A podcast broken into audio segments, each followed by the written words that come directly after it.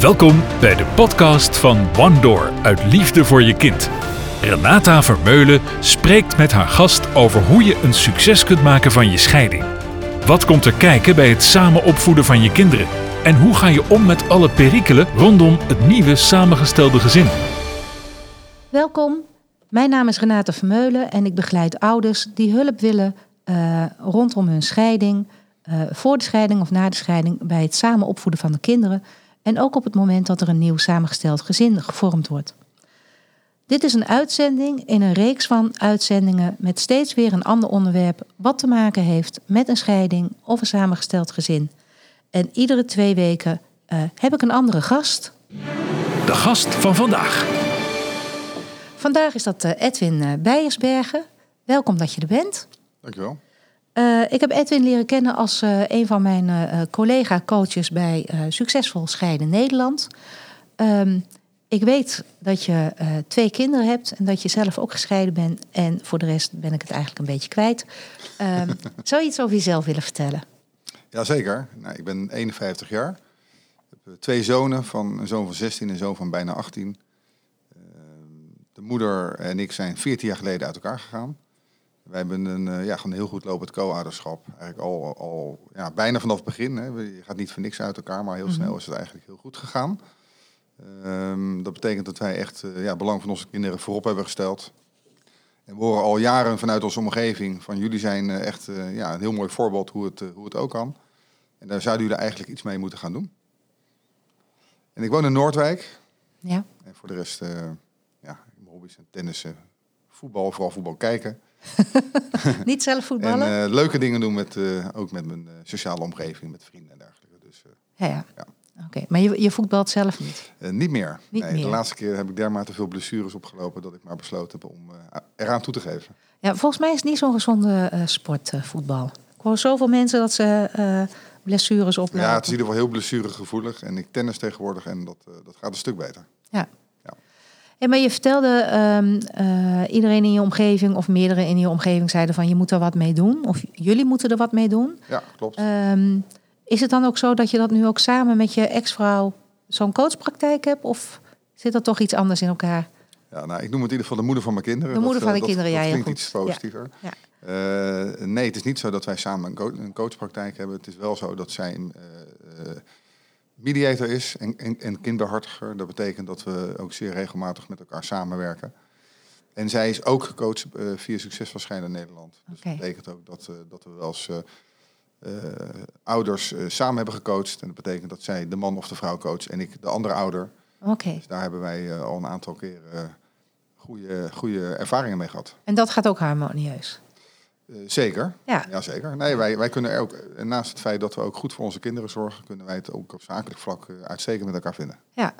ja, het is toch mooi om te horen dat, het dus, ja, dat, je zelf zo'n goed uh, voorbeeld uiteindelijk bent. Ja. zodat je ook uit eigen ervaring aan je klanten kan vertellen hoe het zou kunnen. Ja, ja. Nee, maar dat is, ook, dat is ook zeker heel belangrijk, ja. absoluut. En daar doe ik zeker mijn voordeel mee.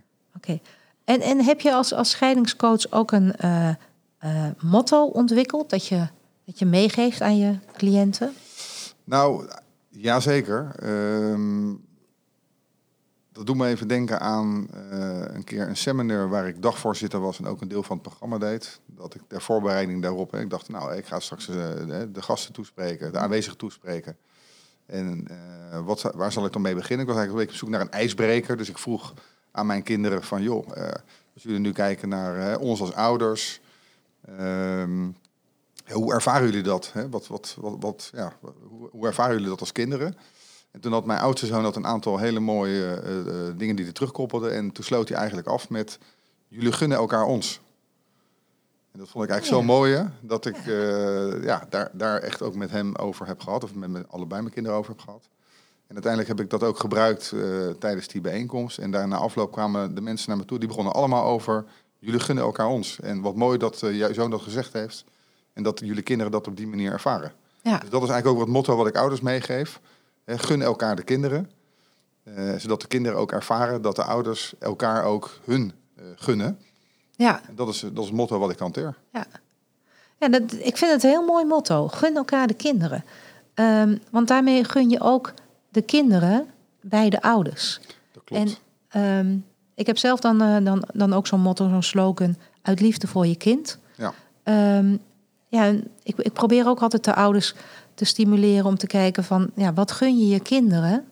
Eh, en, en ga daar eens van uitdenken. Dus ja, dat is eigenlijk het, ja, sluit mooi aan bij uh, gun elkaar Ja, de gun- kinderen. Ik vind klopt. het echt heel mooi. Ja, en ook eh, wij ja, heel eigenlijk ja, spelende wijs, eh, heel spontaan, eh, op een natuurlijke manier passen wij dat ook in de praktijk toe. hè. Eh, situationeel. Hè. Bijvoorbeeld, ik heb veel met voetbal. Ja. Hè. De- de- op het moment dat de moeder en ik naar een voetbalwedstrijd gaan, dan eh, nou, staan we ook eh, zeker heel regelmatig bij elkaar.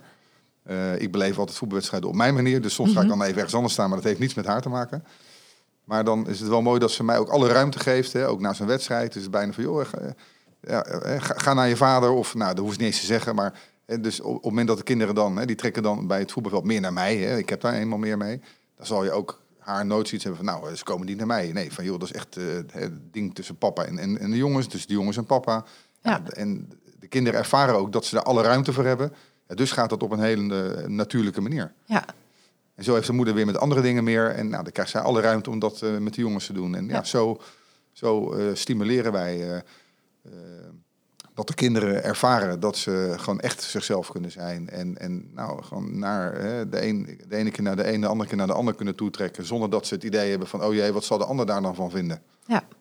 Mag ik, eh, mag ik dat motto af en toe eens eh, van, je, van je lenen? Want ik, ik vind het wel een hele, hele sterke, die ik ook zelf ook zeker zal gaan gebruiken in mijn praktijk. Heel graag zelfs. echt, heel graag zelfs. Ja, in één zin eigenlijk zeggen waar het over gaat. Ja. En dat vind ik wel heel mooi. Ja.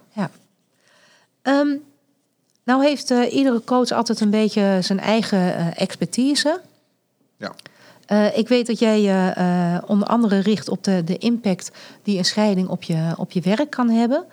Ehm, en je begeleidt ook mensen die in dit verband werk en privé wat moeilijker gescheiden kunnen houden. Ehm, hoe ben je zo tot deze expertise gekomen? Kun je daar wat meer over vertellen? Jazeker. Nou, ik heb zelf een eh, leidinggevende achtergrond bij, eh, bij een bank, hè, de financiële eh, dienstverlening. En ik heb zelf altijd ervaren, ik was leidinggevende, ik was coach, eh, nou, altijd betrokken bij de medewerkers. Nou, dat is een le- hele leuke rol, maar het wordt best wel lastig op het moment dat er bij iemand privé iets speelt. Hè, want het is toch vaak, hè, de, de gesprekken die plaatsvinden zijn toch over het algemeen ja, toch behoorlijk zakelijk georiënteerd, zakelijk ingestoken. Het, gaat gelukkig, eh, het ging gelukkig heel veel over klanten, eh, maar uiteindelijk ook wel over, eh, nou, over commercie, over resultaten.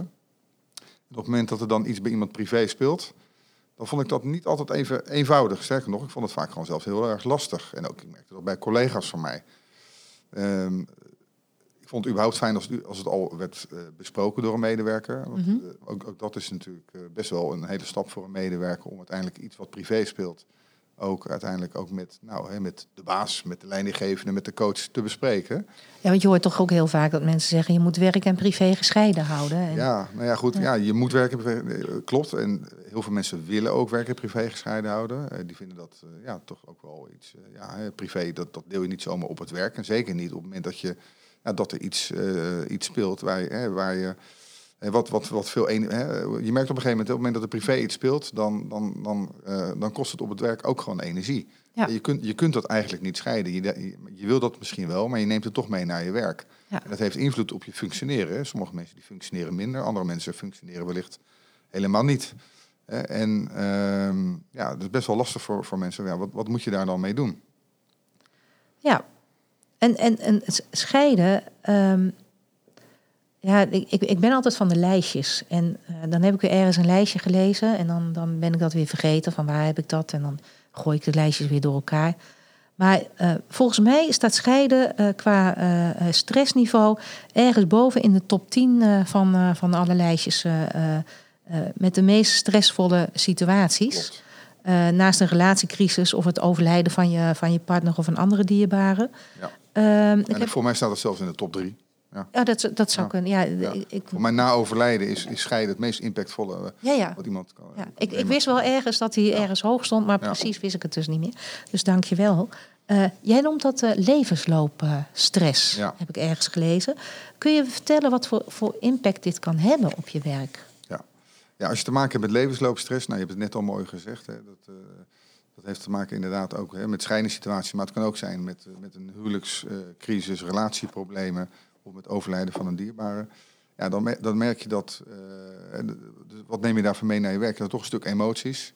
Eh, de concentratie wordt minder, je kunt wat meer kortaf gaan reageren.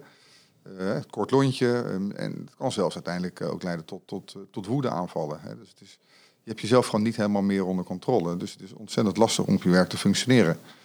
Daarnaast ehm, hebben we ook nog te maken met een stukje schaamte. Eh, want ja, op het moment dat je bijvoorbeeld wordt, bent bedrogen door, door je vrouw of je hebt zelf een affaire, is dat niet iets wat je even in geuren en kleuren op je werk eh, gaat bespreken. Nee. Dus een stukje schaamte speelt dan ook nog mee. Daarnaast, eh, ja, het verschil per bedrijf, hè, de, eigenlijk de, de cultuur van een bedrijf, bepaalt ook een beetje of de cultuur uitnodigt om dit soort privé-zaken die spelen ook makkelijk bespreekbaar te maken. Eh, inderdaad, op het moment dat de cultuur is van hey, werk en privé houden we gescheiden en we komen hier om te werken, dan zal iemand waar iets speelt niet zo heel makkelijk denken van nou, dat ga ik dan, ik ga me kwetsbaar opstellen en ik ga het bespreekbaar maken. Daarnaast, hè, dus enerzijds de cultuur, anderzijds ook een stukje structuur. Eh, in hoeverre zijn er overlegvormen binnen een bedrijf? Hè? Vindt er regelmatig coaching plaats? Is er ruimte om af en toe met, hè, met de baas of met de leidinggevende of met de coach te zitten? Of gebeurt dat bijna nooit? Eh, en dan nodigt het natuurlijk ook minder uit om iets bespreekbaar te maken. Hè? Dus, dus cultuur in een bedrijf, eh, de structuur binnen een bedrijf eh, is heel erg belangrijk. Hè? Is, er, is er een continue dialoog? Hè? Dus zit je regelmatig met, met, met je leidinggevende. En is daar ook een, een, een, een vertrouwensband gecreëerd? Hè? Dan is het wat makkelijker om, nou, om uiteindelijk ook je wat kwetsbaarder op te stellen dan als dat bijna niet gebeurt. Ja. Uiteindelijk, de impact verschilt uiteindelijk gewoon van persoon tot persoon. Eh, De emoties verschillen van persoon tot persoon. Maar het is wel zo dat eh, tijdens, eh, zeker, zeker tijdens en ook nou, een stuk voorafgaand aan, aan een scheiding, ja, heb je ook gewoon vaak heel veel met, met veel praktische zaken te maken die geregeld moeten worden en die, die veel energie en veel tijd kosten. Ja. Maar aan de andere kant is het ook wel zo dat, zeker ook in zo'n situatie, dat het werk ook vaak wel een welkome afleiding is. Hè? Dus je hebt veel aan je je hoofd hebt ook de privé. mensen die, die, die zich juist heel erg storten op hun werk. Hè? Precies, ja, precies. Nee, En, nou en goed, vooral ook de, de, de tijd voorafgaand aan een, aan een scheiding. klopt. Dat ze alle eh, ja, problemen en, en, en stress thuis willen ontwijken. Ja. En zich dan juist storten Ja. op hun werk. Wat dan ook vaak niet eh, echt bevorderlijk is voor de stress weer thuis. Want je komt in een soort visuele Precies, cirkel terecht. Dus voor een deel is dat Ja. goed, hè, want het is, eh, het, je kunt wel af en toe even je zinnen verzetten. Maar als dat doorslaat inderdaad in, eh, ik ga volledig op in het werk, hè, dan vergeet je dat ook thuis je daar een, hele belangrijke functie hebt. En Ja. nou, wellicht dat je dat wel wat, wat wegstopt. En nou, uiteindelijk komt dat ook, zeg maar, je balans niet ten goede. Nee. Ja. En, en ehm, zou je kort kunnen schetsen ehm, wat iemand die in scheiding ligt en dat, dat dan ook merkt dat het impact heeft op zijn werk? Nou, ik denk als ik jou ook zo hoor en als ik daar nu zo even nadenk, eh, dat het haast niet voorkomt dat het geen impact heeft op je werk. Want je, je Klopt. draagt het toch altijd met je mee. Klopt. En ehm, wat kan die persoon, wat kan hem of haar dan helpen op het moment dat je midden in de scheiding zit? Zou je daar wat tips over kunnen En geven? dan bedoel je echt als je op, je, op, het werk bent, Bijvoorbeeld? Nou ja, het is eh, in ieder geval belangrijk dat, eh, dat, je, eh, dat, je, dat je het realiseert. Hè, van hey, volgens mij, ik merk nu toch dat hè, de, men- de mentale belasting wat toeneemt. Ja, dan is het belangrijk om wel bij jezelf na te gaan van ja, hoe is het met mijn, met mijn veerkracht? Hoe, hoe ga ik ermee om? En als je op een gegeven moment merkt dat je, dat je er last van begint te krijgen, ja, dan begint het toch wel bij dat iedereen heeft vaak wel één of twee collega's op het werk eh, die je vertrouwt, eh, die je goed kent, die ook wellicht jouw privésituatie eh, kent. Om die collega's in eerste instantie toch een stukje vertrouwen te geven en die vertrouwen te nemen. En daar dan bespreekbaar te maken dat, nou, dat je best een, een, een, een, lastige situatie thuis hebt. Wat, eh, ja, wat gewoon in, in- in- invloed heeft op, jouw ja, op jouw energieniveau. Ja. Dat, is, dat is heel belangrijk. Ja, want je, je noemde het even mentale kracht. Ehm, kijk, ik, ik, spierkracht, daar kan, kan iedereen zich wat bij, bij voorstellen. Kun je iets meer vertellen over wat, wat je bedoelt met mentale kracht? Ja, mentale kracht, ja, dat is eigenlijk, eh, zeg maar, de, we noemen het ook wel veer, hè, de veerkracht. Eh, hè, door de mate waarin iemand herstelt na een, eh, een emotionele gebeurtenis. En mentale kracht, dat, dat gaat zeg maar, over je, ja, je emotionele stabiliteit. En dus de mate waarin iemand emotioneel reageert hè, in, in een situatie waarin die eh, stress ervaart. En dat is de mentale kracht. En belangrijk daarin is om niet vanuit uh, negatieve emotie uh, te gaan reageren, maar meer vanuit, uh, vanuit rust en vertrouwen. Ja. Dus dat je vanuit rust en vertrouwen gaat communiceren.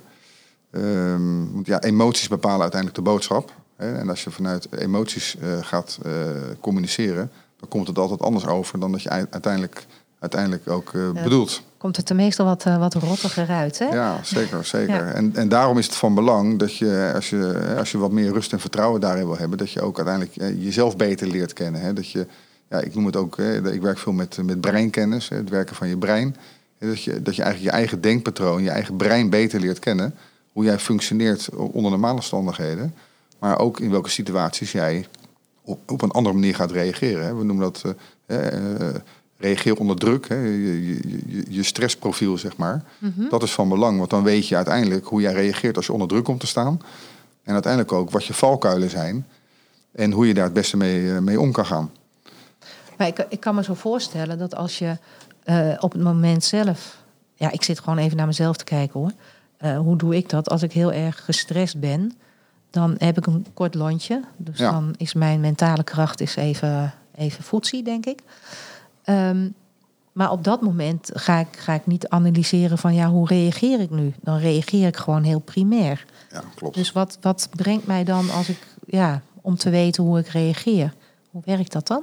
Ja, dat is ontzettend lastig. En daar, daarom is eigenlijk je omgeving heel erg belangrijk. Hè? Dus uh, een stukje feedback van je omgeving. En dat is zeker ook, hè, als je het hebt over bedrijven, en de rol van coaches, leidinggevende, uh, directeuren belangrijk om signalen op te gaan pakken van, van medewerkers. Hè. Met je, op het moment dat je merkt, maar uiteraard ook gewoon collega's. Hè. Je merkt van hé, hey, iemand reageert toch wat anders, is wat prikkelbaar, wat geïrriteerd. Daar kunnen we van alles van vinden. Maar we kunnen ook de vraag stellen, joh, uh, hoe, hoe, is het nou met je? En ik, ik merk dat je wat, wat, uh, wat fel reageert of wat kortaf bent. Um, ja, hoe, hoe, hoe, gaat het met je? Wat is, wat is er aan de hand?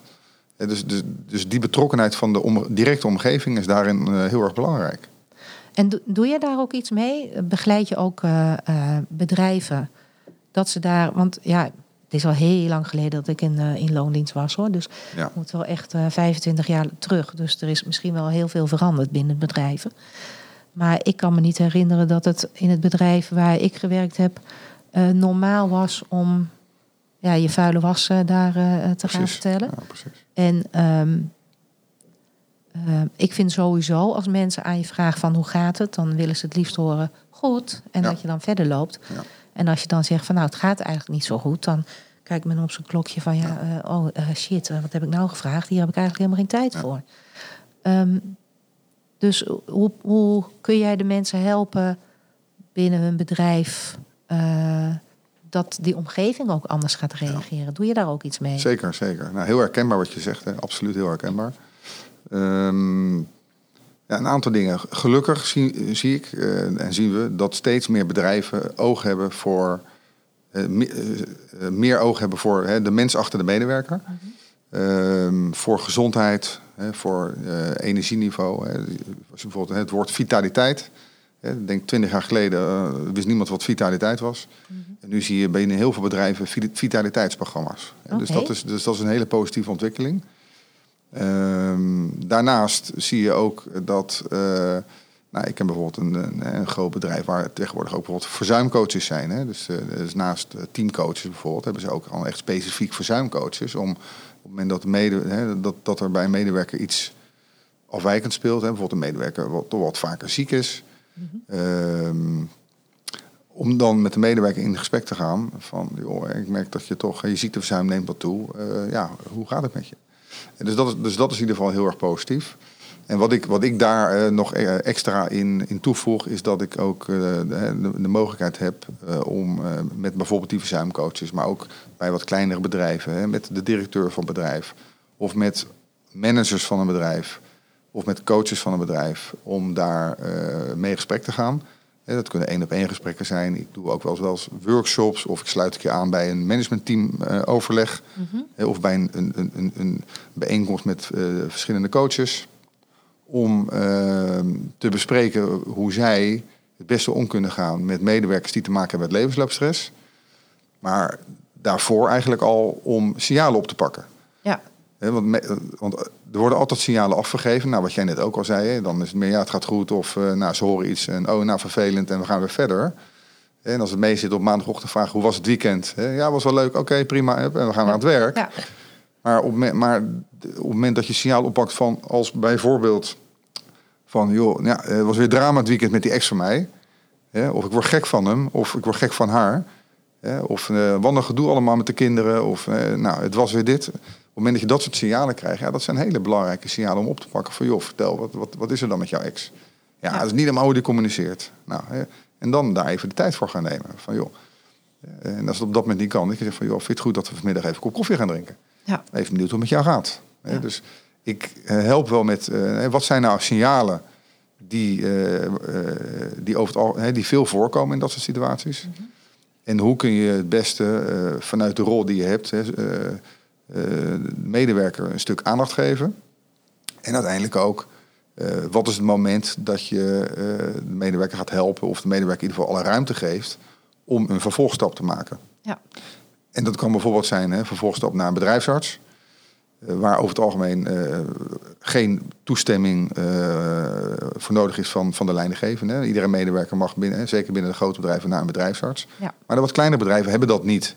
Dus wat, wat, wat is het vangnet voor zo'n medewerker? En het is heel goed om dat ook binnen het bedrijf eens te bespreken. Van als wij nu zo'n situatie hebben. En want ik hoor vaak, ja, wij hebben niemand die in een scheiding zit. Dan zeg ik altijd van nou, 90% van eh, de mensen die ik begeleid, die eh, zitten niet in een scheiding. Maar die hebben een scheiding bijvoorbeeld vier tot zes en soms tien jaar geleden achter de rug. Maar na een aantal jaren ploeteren, eh, energieverlies, begint de emmer echt over te lopen en dreigt, eh, dreigt die persoon eh, uit te vallen of is inmiddels al uitgevallen. Dus dan, eh, dan is het kwaad eigenlijk al geschied. En, maar dat is ontzettend belangrijk om op dat moment ook echt met deze persoon aan de slag te gaan. Dus het is niet alleen maar medewerkers die in een scheiding zitten, maar ook vooral medewerkers die dat achter de rug hebben, maar een, een lange nasleep hebben. En het hoeft niet altijd zijn dat er heel veel problemen zijn, maar het is, het is gewoon heel impactvol.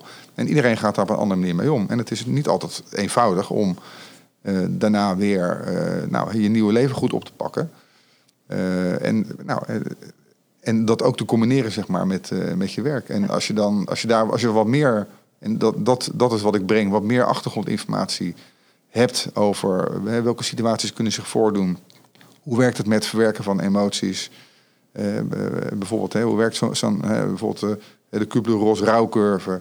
Hoe werkt dat bij iemand? Hè? En dat kan zelfs eh, twee, twee, drie jaar na eh, dat iets heeft plaatsgevonden nog steeds eh, eh, van toepassing zijn bij iemand. Als je daar wat meer achtergrondinformatie over hebt, dan krijg je ook meer begrip. En ook wat meer begrip eh, waarschijnlijk voor, voor reacties. En dan kun je die signalen oppakken. En dan kun je iemand ook echt helpen. ja, En dat is uiteindelijk ook wat ik, eh, nou, wat ik ook eh, breng bij een bedrijf. Eh, een stukje toegevoegde waarde op dat vlak. Ja. Ja. Nou, ik vind het mooi dat je zegt, eh, het kan ook nog na jaren spelen. Eh, ik, ik merk in de gesprekken die ik voer. ehm, eh, ik, ik werk heel veel op verwijzing via andere mediators of advocaten of scheidingsplanners. Ja. nou ja, noem ze maar op. Hè. Je hebt een heel scala aan scheidingsspecialisten. En er zijn er heel vaak mensen die zeggen van ja, maar die mensen die, die daar zo mee zitten, die heb ik niet. Want eh, ik zorg ervoor dat ze goed met elkaar in gesprek komen. En dan eh, eh, maken ze goede afspraken. En dan, nou, dat gaat allemaal goed. En dan gaan ze de deur uit. En dat, ja, Ja. die mensen maken eigenlijk helemaal niet zo'n ruzie. En mijn ervaring is dat inderdaad op het moment dat de, de afspraken gemaakt moeten worden, moet zoveel geregeld worden. Ja. Nou, ze willen geen olie op het vuur gooien, dus dat gaat vaak ook nog wel goed. Maar dan, dan zijn ze uit elkaar en dan. eh, ehm, ik had laatst zo'n vrouw die zei van ja, weet je, wij maken inderdaad nooit ruzie. Maar op het moment dat ik weet dat we elkaar weer tegen gaan komen eh, op een eh, verjaardag of zometeen, hè, het, is, het is bijna carnaval. ja, dan ga ik de vader van mijn kinderen tegenkomen. En ik lig er nu al wakker van, van oh jee, als ik maar niks zeg, wat bij hem ehm, ja, irritaties opwekt. En ze hebben inderdaad nooit ruzie. Maar omdat zij nachten wakker ligt, en ik weet niet, misschien ligt hij ook wel wakker. Misschien is hij ook wel heel erg bezig om die goede lieve vrede te bewaren. Dat weet ik niet.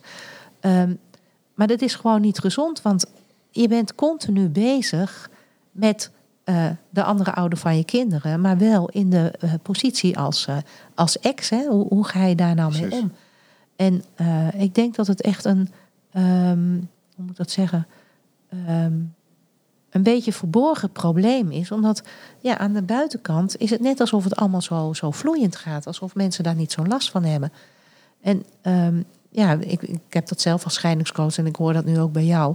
Kijk, we helpen niet alleen de mensen die eh, echt in een echte vechtscheiding zitten, Nee. die elkaar eh, de tent uitvechten. Maar ook de mensen waarbij het voor de buitenwereld best goed gaat, maar die daar zelf inwendig gewoon zo ontzettend veel last van ervaren. Klopt. Ja. Nee, dat klopt. Ehm, even kijken hoor. Ehm, eigenlijk hebben we, hebben al een heel stuk eh, gedaan van wat wij wilden bespreken. Ehm, je vertelt dat je, dat je ook heel veel kunt doen dus binnen die bedrijven, hè, vertelde je net. Nu weet ik, jij zit in Noordwijk. Werk je ook alleen maar bij bedrijven eh, in Noordwijk en de directe omgeving? Of eh, tot hoever eh, reikt jouw eh, helpende hand, laat ik het zo zeggen? Nou, ik, werk in, nou ik, woon, ik woon in Noordwijk. Ehm, ik werk eh, uiteraard ook wel in Noordwijk, maar ik werk het, het meest eigenlijk in de omgeving Amsterdam, Den Haag, Utrecht. Dat zijn eigenlijk de, de, zeg maar, de, die grootstedelijke gebieden waar ik, waar ik veel kom. Ehm, maar ook Rotterdam, ook Alkmaar, laatst in Breda geweest. Wat dat betreft, eh, ik ben flexibel, ik ben mobiel. Nederland is niet zo groot. Hè, dus eh, in, in twee, tweeënhalf uur ben je aan de andere kant van het land. Hè, dus hoe, hoe, hoe- lang reizen kan het zijn? Dus wat dat betreft vind ik dat helemaal geen probleem. Daarnaast ehm, is het zo dat ik eh, onderdeel ben, zoals je in het begin al zei, van Succesvol Scheiden Nederland. We, hebben, een landelijke organisatie ook met coaches door het hele land.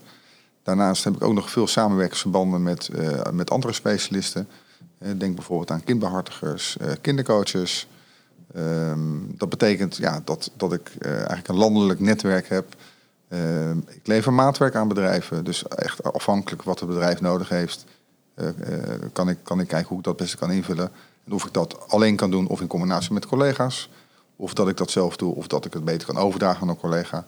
Dat is even afhankelijk van, van de situatie. Dus wat mij betreft, geo- geografie is voor mij geen probleem. Nee. En ik vind het, moet eerlijk zeggen, ik vind het ook wel vaak leuk om ergens anders te komen. Ehm, dan, je ziet nog eens wat hè, van ja, Nederland. je ziet, nou ja, goed, ja, ik vind dat wel interessant, want je ziet nog eens wat. En eh, als ik dan ergens eh, ben en ik ga er, eh, daar een kop koffie drinken of even lunchen. Ja, ik moet zeggen, ik vind dat superleuk.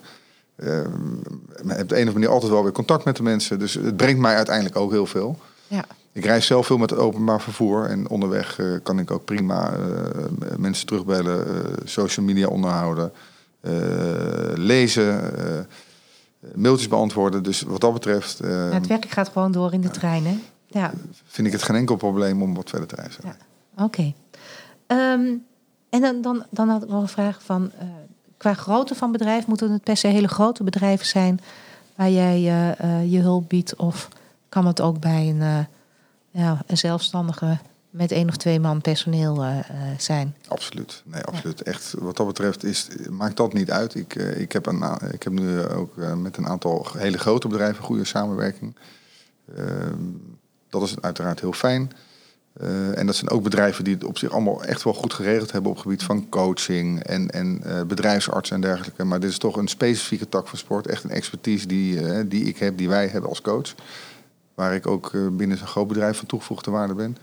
Maar zeker ook de wat kleinere bedrijven, waar, waar, dat, waar dat stuk misschien wat minder goed geregeld is. Maar waar ook medewerkers eh, eh, werkzaam zijn, eh, die ook een privéleven hebben. Hè. Dus eigenlijk ieder bedrijf. Ja. Ja. is het ontzettend belangrijk dat ook zo'n, al zijn er twee medewerkers inderdaad, hè, of, of een, een, een, een, een goed aantal medewerkers maakt het natuurlijk gewoon helemaal niet uit. Ook daar komt, Nou ja. komt levensloopstress voor. En is het heel belangrijk dat de, de werkgever enerzijds hè, vanuit een stukje hè, empathie voor de medewerker, anderzijds ook een stukje hè, vanuit een stuk goed werkgeverschap eh, de betrokkenheid toont. En de medewerker de, de kans geeft om daar een stuk eh, begeleiding in te krijgen. En want wat, wat doet het met een medewerker op het moment dat de baas hè, de oog voor heeft... en uiteindelijk zegt van, joh, ik snap dat jij in een hele moeilijke situatie zit...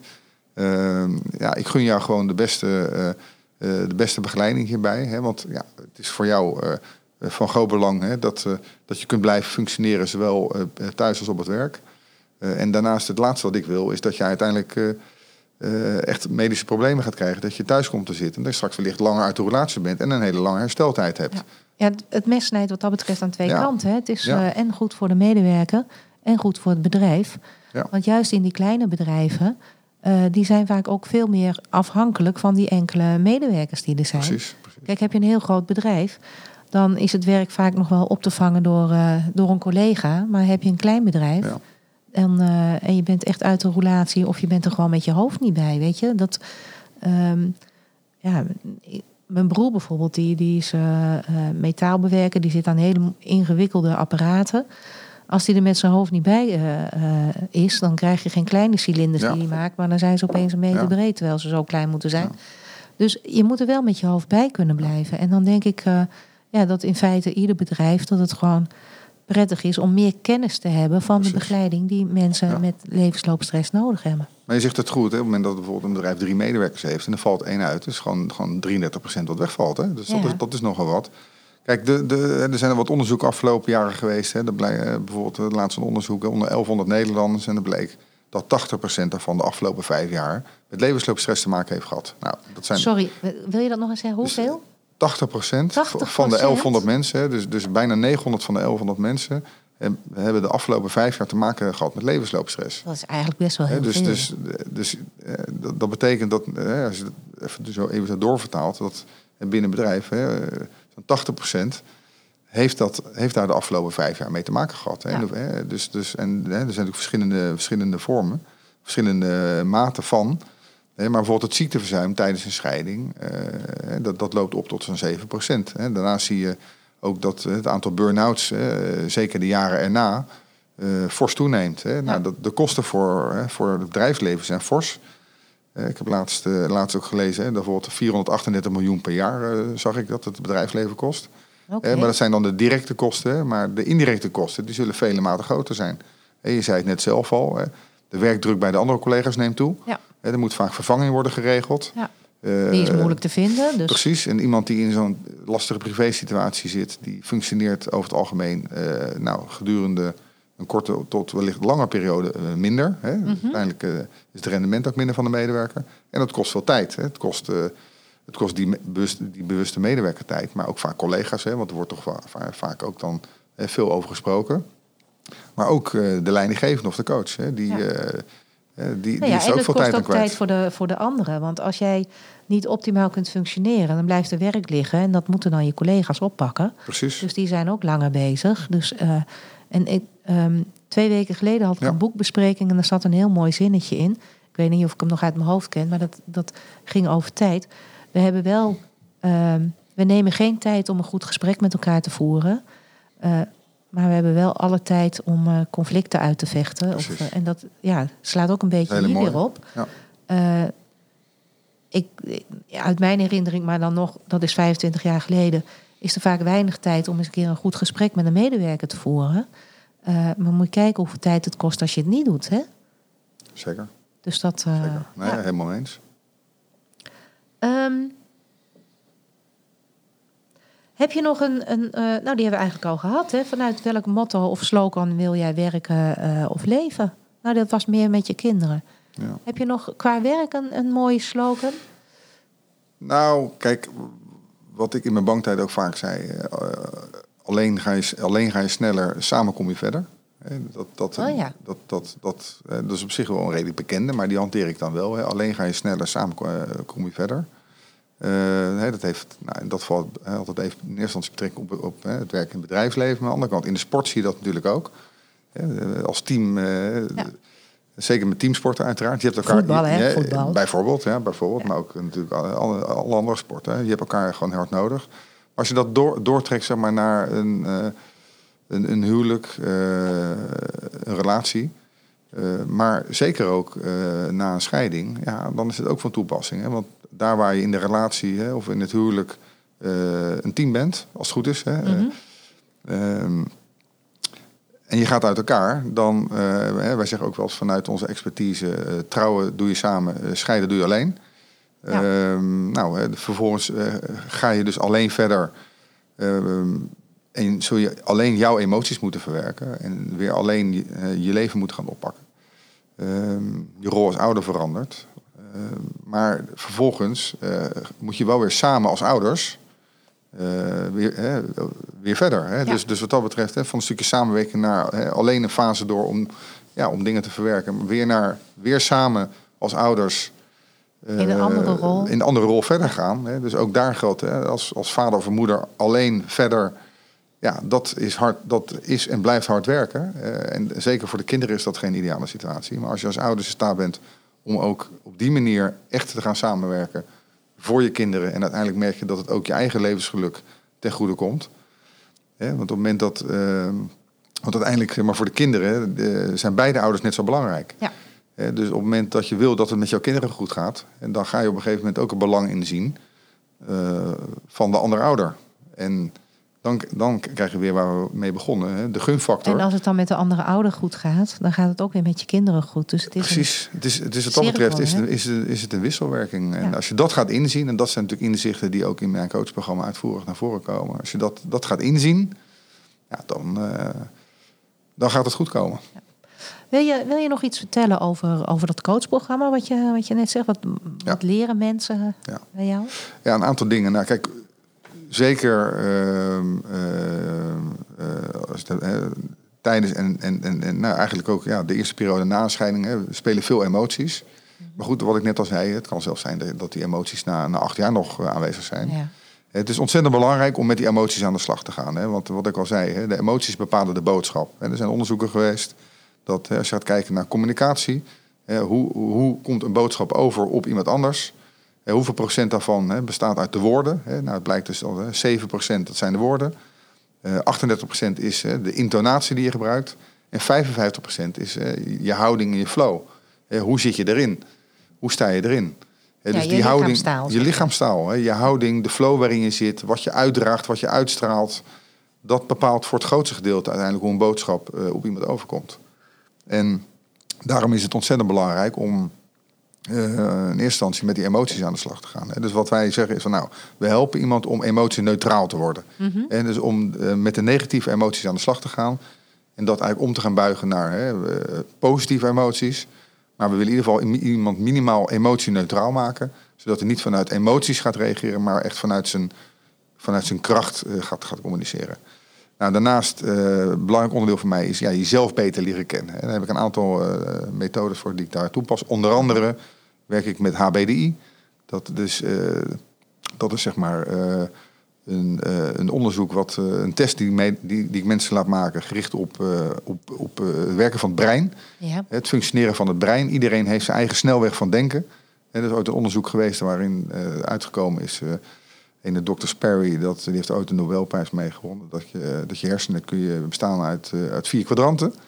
En eh, in je denkproces doorloop je altijd eh, die vier kwadranten, maar een bepaalde volgorde. Nou, ik ga met de mensen, eh, we gaan inzichtelijk maken hè, vanuit, eh, vanuit het testresultaat.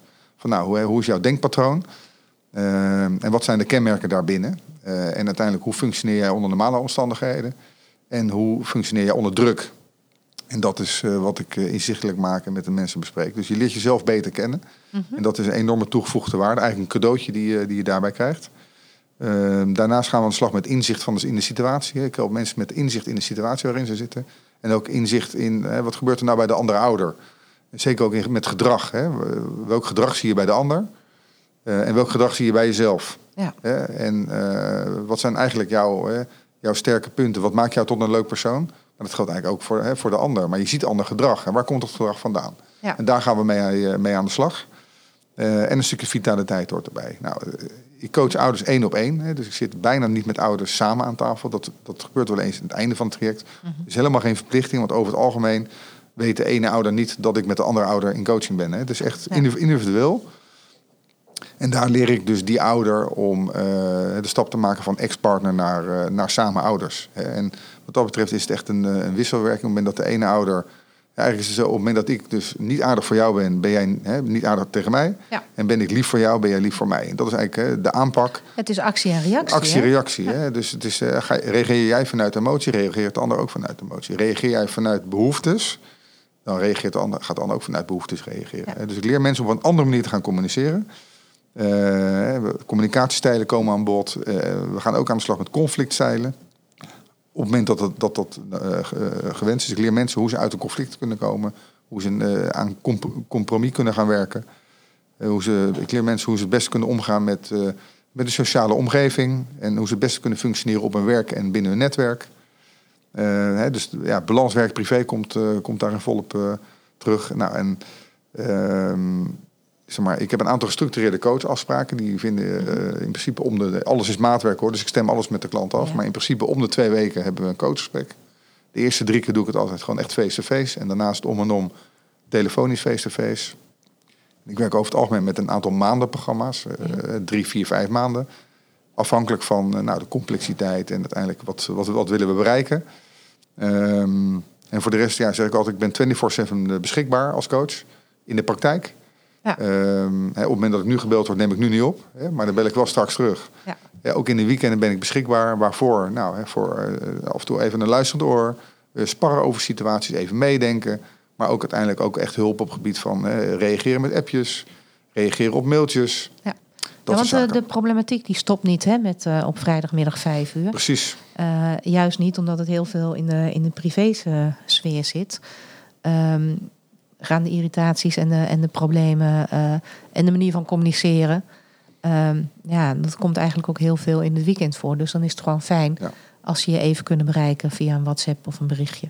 Dus dat, eh, ja, dat herken ik wel. Ja. Op die manier eh, Ja. ik ook wel. Ja, en wat, wat heel belangrijk is, dat ik doe alles echt 100% vanuit belang van de kind. Ik zeg ook vaak tegen ouders, hè, ik coach jou, maar ik vertegenwoordig hier ook jouw kind of kinderen. Ja. Uit Dat, liefde dat- voor je en, en dat dus. betekent dat ik altijd maar van, ik ben, eh, ik ben wel een goede coach, maar niet altijd een aardige coach. Hè. Ik, ik ga niet meepraten. Hè. Dus uiteindelijk, eh, want ik denk ook mee met de andere ouder die er niet zit. En want het gaat om de kinderen. En die andere ouders net zo belangrijk voor de kinderen.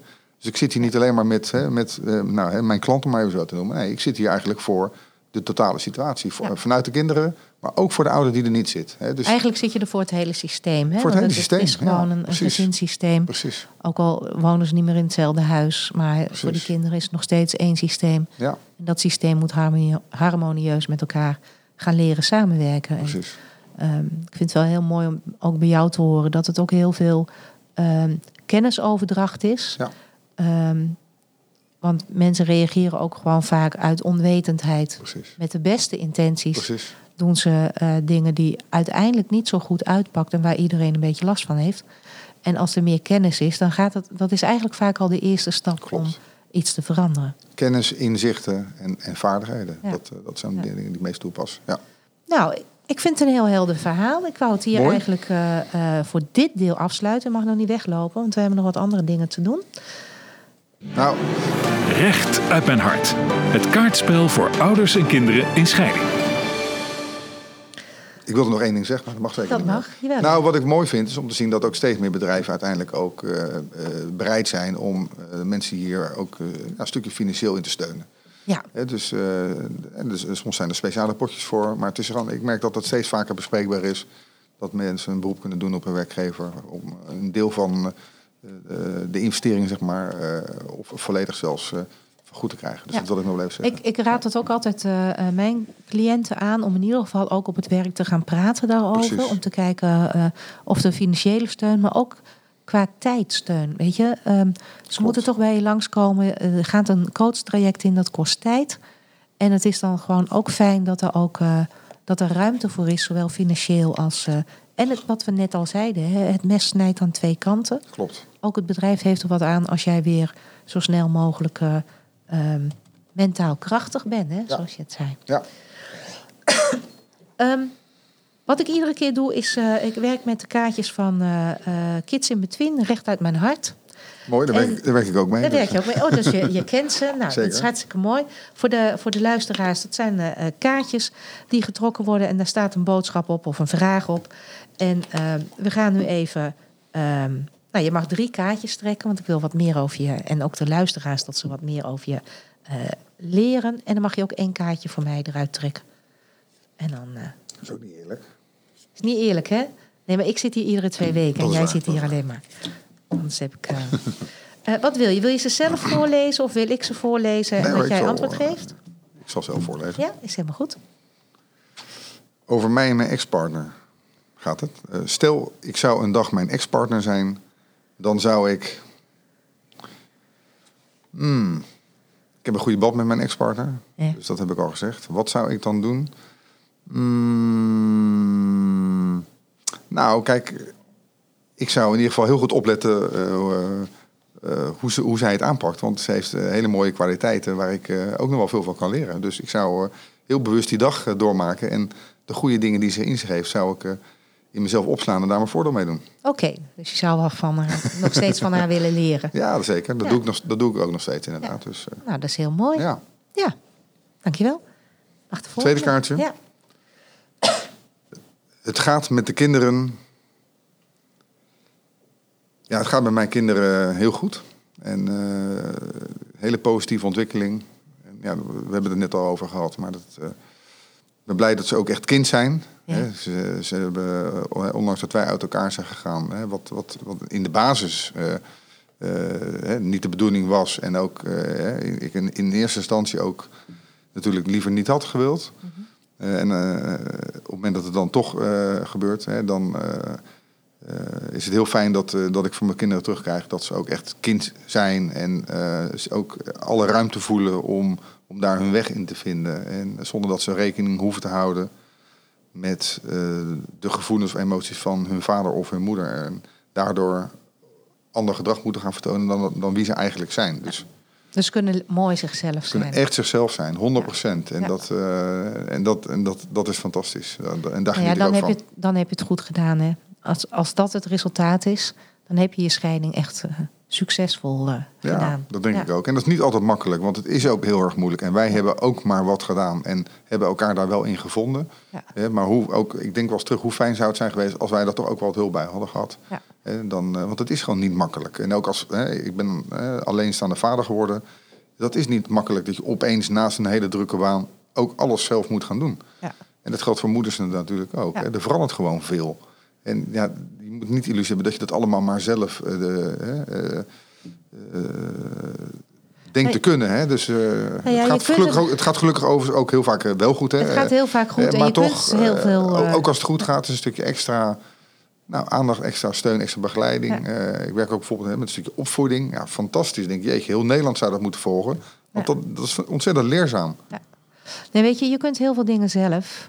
Maar hoe fijn is het als je ermee geholpen wordt? Precies. Weet je? Het maakt het een stuk makkelijker. Ja.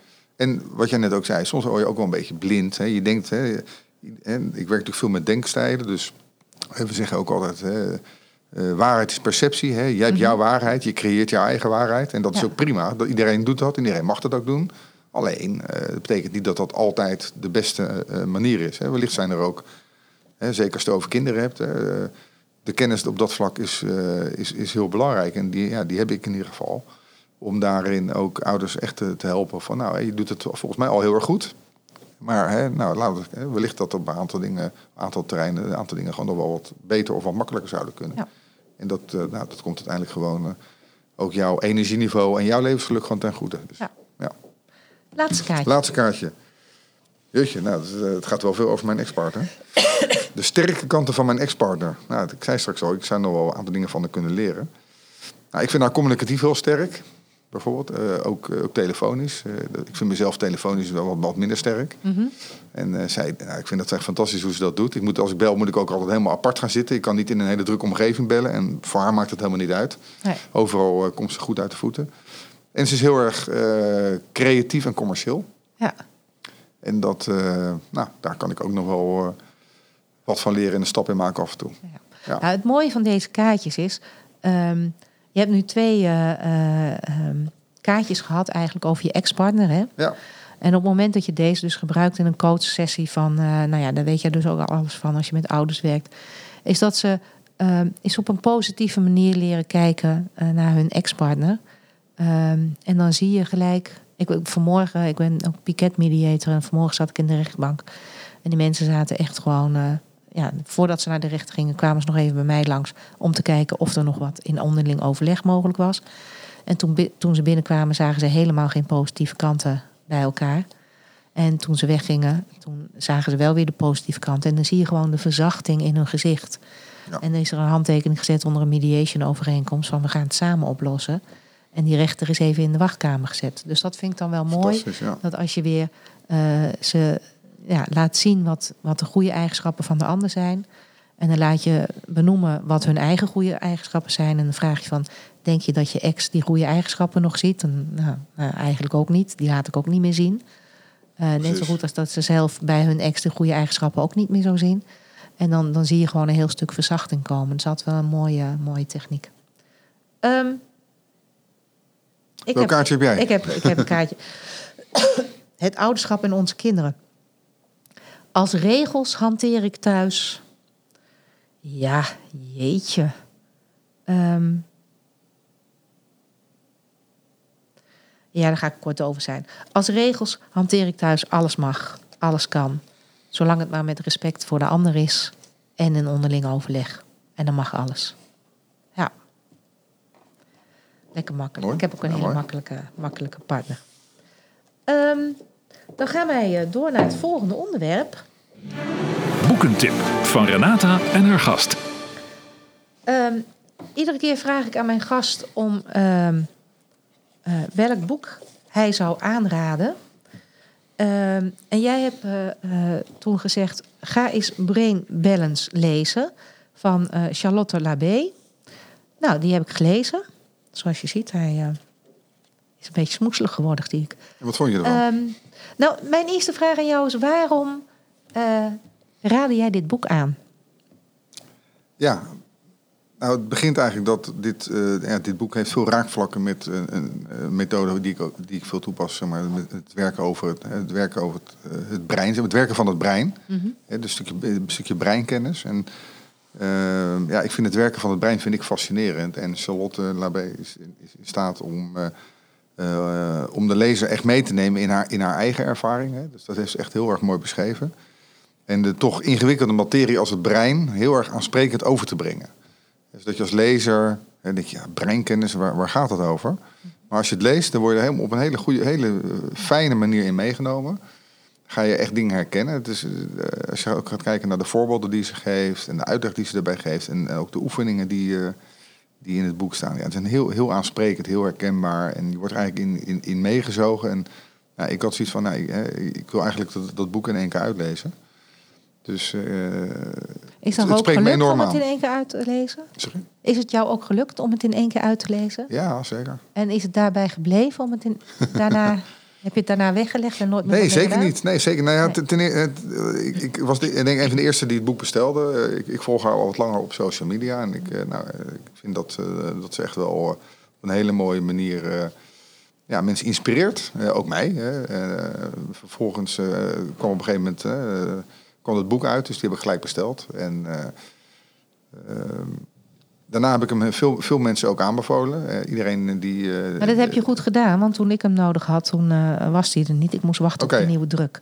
Ja, Dus, eh, nou ja, dat zegt al genoeg. Ja, dat zegt genoeg. Ja. Nee, dus veel aanbevolen. Maar ik gebruik hem ook nou, voor, een, voor een deel ook wel in mijn coaching. In, een aantal onderdelen die, die, die, die, ook, die ik ook heel, heel makkelijk daar, daarvoor kan gebruiken. Maar het is vooral ook een stukje voor mezelf af en toe ook ja, een stukje inspiratie, een stukje naslagwerk. Ik vind het leuk om te lezen. Plus dat, eh, dat ik het maar ook mijn klanten, eh, ik geef mijn klanten ook mee van eh, lees, het boek, lees het boek eens.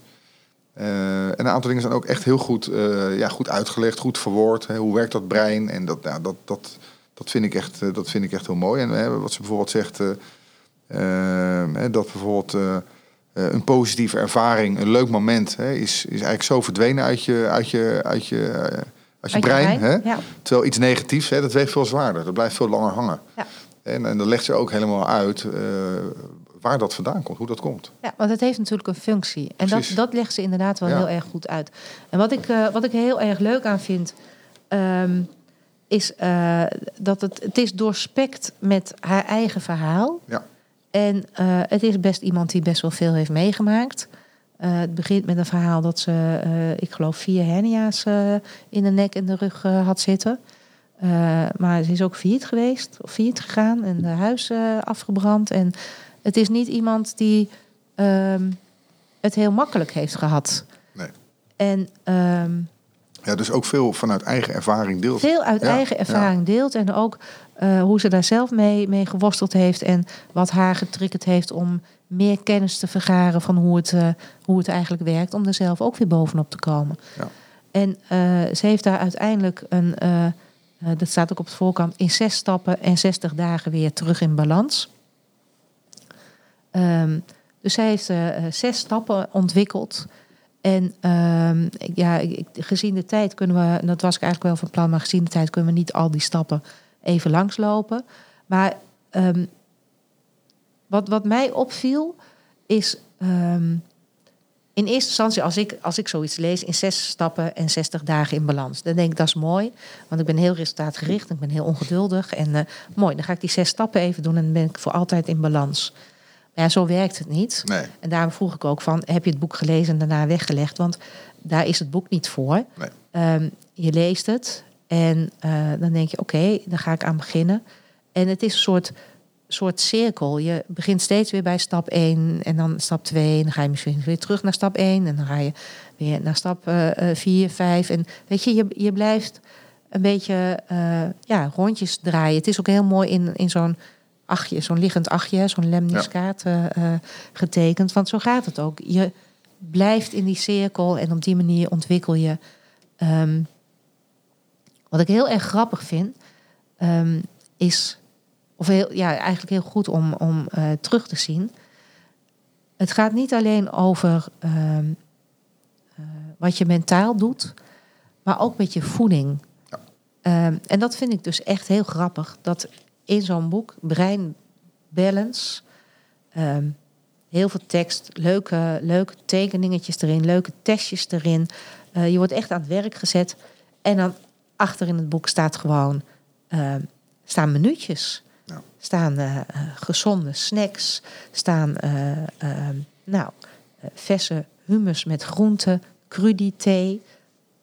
Ik heb er een paar van gemaakt. Het is echt hartstikke lekker. Ja. Maar wat zo grappig is, dit zijn precies gerechten die ervoor zorgen dat je brein helder werken. En ehm, ik heb een, ergens in een ver verleden nog een, een, een, een geschiedenis wat ik eh, Chinees voedingsdeskundige ben. En in die tijd dat ik daar heel erg druk mee was en ik heel veel studeerde, had ik altijd als ontbijt soep. Als ik moe ben, als ik uitgeput ben, als ik moet studeren of als ik een examen heb, dan eet ik altijd soep als ontbijt. En dat raadt zij dus ook Ja. aan. Omdat je, en je merkt het gewoon echt als je dat doet, je bent echt heel helder in je hoofd. Eh, je bent minder wattig. Ehm, als je heel veel kaas en heel veel melkproducten gebruikt, dat is slijmvormend in je lichaam. Nou, dat slijm gaat ook in je hersens zitten, dus word je wattig van. Ik moet als ik een examen ga doen, echt geen broodje kaas gaan eten, want dan word ik gewoon wattig. En ehm, het is gewoon heel leuk om terug te lezen hoe zij dat ook eh, uitlegt, hoe dat werkt. Ik heb het ooit geleerd als vaststaand feit, zonder te weten hoe het werkt. En nu leer je dus ook hoe het werkt. En dat vond ik wel heel erg grappig om dat, eh, om dat terug Zeker. te lezen. Ja. Ehm, het is een, een, een, een boek. Ik zou het echt aanraden voor iedereen eh, die iets wil veranderen in zijn leven. Omdat het je eigenlijk zes stappen geeft. En je bent echt niet in 60 dagen klaar. Maar wat zij zegt, je hebt 28 dagen nodig om een verandering te bewerkstelligen. Ehm, de grote valkuil is dat je dan denkt van, nou oké, dit werkt. Hoef ik niet meer zo op te focussen. En dan val je weer in de valkuil dat je ergens een stemmetje in je, in je hoofd hebt van, nou doe nou maar weer gewoon. Dan doen we gek genoeg. Eh, dus daarom zegt ze, houd in ieder geval 60 dagen vol. Ehm, er zitten tips in hoe je je kunt focussen. Dat je een doel kunt stellen. eh, kleine stapjes nemen. En ehm, nou ja, gedisciplineerd doorgaan met de verandering die je wil.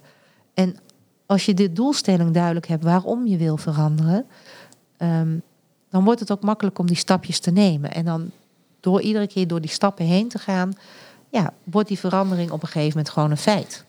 En dan kom je weer iets anders tegen in je leven wat je wil veranderen. Want ja, niet zo veranderlijk als een mens, zeggen ze wel eens. En Verandering Dus, is de enige constante, hoor ik wel eens. Ja. Ja, Ja. ja.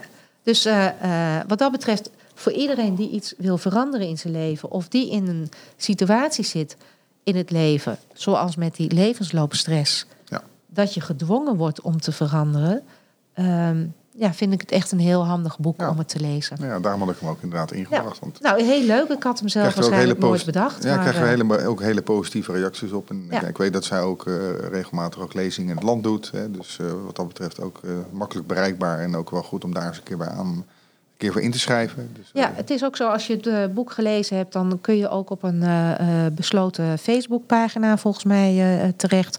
En zij geeft ook regelmatig inderdaad workshops. Nou, voor iedereen die kijkt, ehm, als je ergens onder de, bij de social media hashtag uit liefde voor je kind intypt, dan ding je mee, want ik kan er eentje verloten. Dus als je dat nu tussen, tussen nu en over twee weken doet, dan eh, eh, maak je kans op een mooi boek. En eh, nou, daarmee zijn we eigenlijk eh, gekomen aan het, eh, bijna aan het einde van deze uitzending. Wat wil de gast van vandaag jou meegeven? En voor die uit, eh, uiteinde, uiteinde, wat zeg ik nou dan toch? Eh, voor het einde van de uitzending. Wat zou je als laatste ehm, uitsmijter mee willen geven aan alle luisteraars? Ehm, nou, ik denk, ook, ook dat is wel in, het- in het boek goed beschreven. hè. Als je wil, als je wil veranderen, eh, ik, ik merk het aan, aan als mensen bij mij komen, dan eh, ligt het namelijk altijd aan de ander. hè. Er is nog nooit iemand bij mij binnengekomen die zegt van joh, het loopt niet helemaal goed en dat komt door mij. hè. Het ligt altijd aan de ander. Nou, en het mooie eh, is dat ik dan eh, dat we dan samen aan de slag gaan en dat uiteindelijk heel snel het inzicht komt dat je eh, vooral jezelf kunt veranderen. Eh, dus dat wil ik meegeven. Hè, van, eh, realis- realiseer je als je dingen anders wilt. eh, het gaat niet helemaal zoals je eigenlijk zou willen. Je hebt een ander doel voor ogen. eh, je hebt zelf de sleutel aan handen. Eh, je hebt zelf de oplossing aan handen. En je kunt jezelf veranderen. Ja. En dat eh, is ook daarin beschreven. Maar dat, dat merk ik ook in mijn praktijk. En dat is niet altijd even makkelijk. Hè. En daarom is het goed om eh, nou, af en toe ook hè, je, ja, je kennis te vergroten. eh, door het lezen van boeken. Maar uiteindelijk ook eh, door een stukje begeleiding eh, erbij te krijgen. Om, eh, om uiteindelijk ook eh, zelf op een goede manier die, eh, die verandering eh, te kunnen doorvoeren. Ja. Ja. Nou, dat vind ik een, eh, vind ik een mooie uitsmijter. Dankjewel.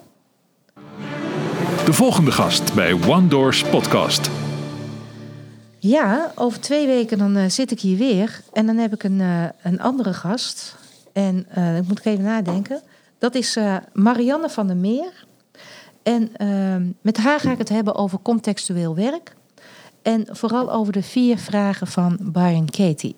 The Work. Daar is zij helemaal in gespecialiseerd. Dus dat wordt ook weer een, een hele leuke uitzending. Mooi. Dus eh, voor iedereen eh, eh, nog even twee weekjes geduld. En dan eh, hoop ik dat iedereen weer eh, kijkt, kijkt en eh, luistert. Tot dan. Dit was een podcast van One Door Mediation and Coaching. Wilt u meer informatie naar aanleiding van deze podcast? Kijk dan op www.uitliefdevoorjekind.nl.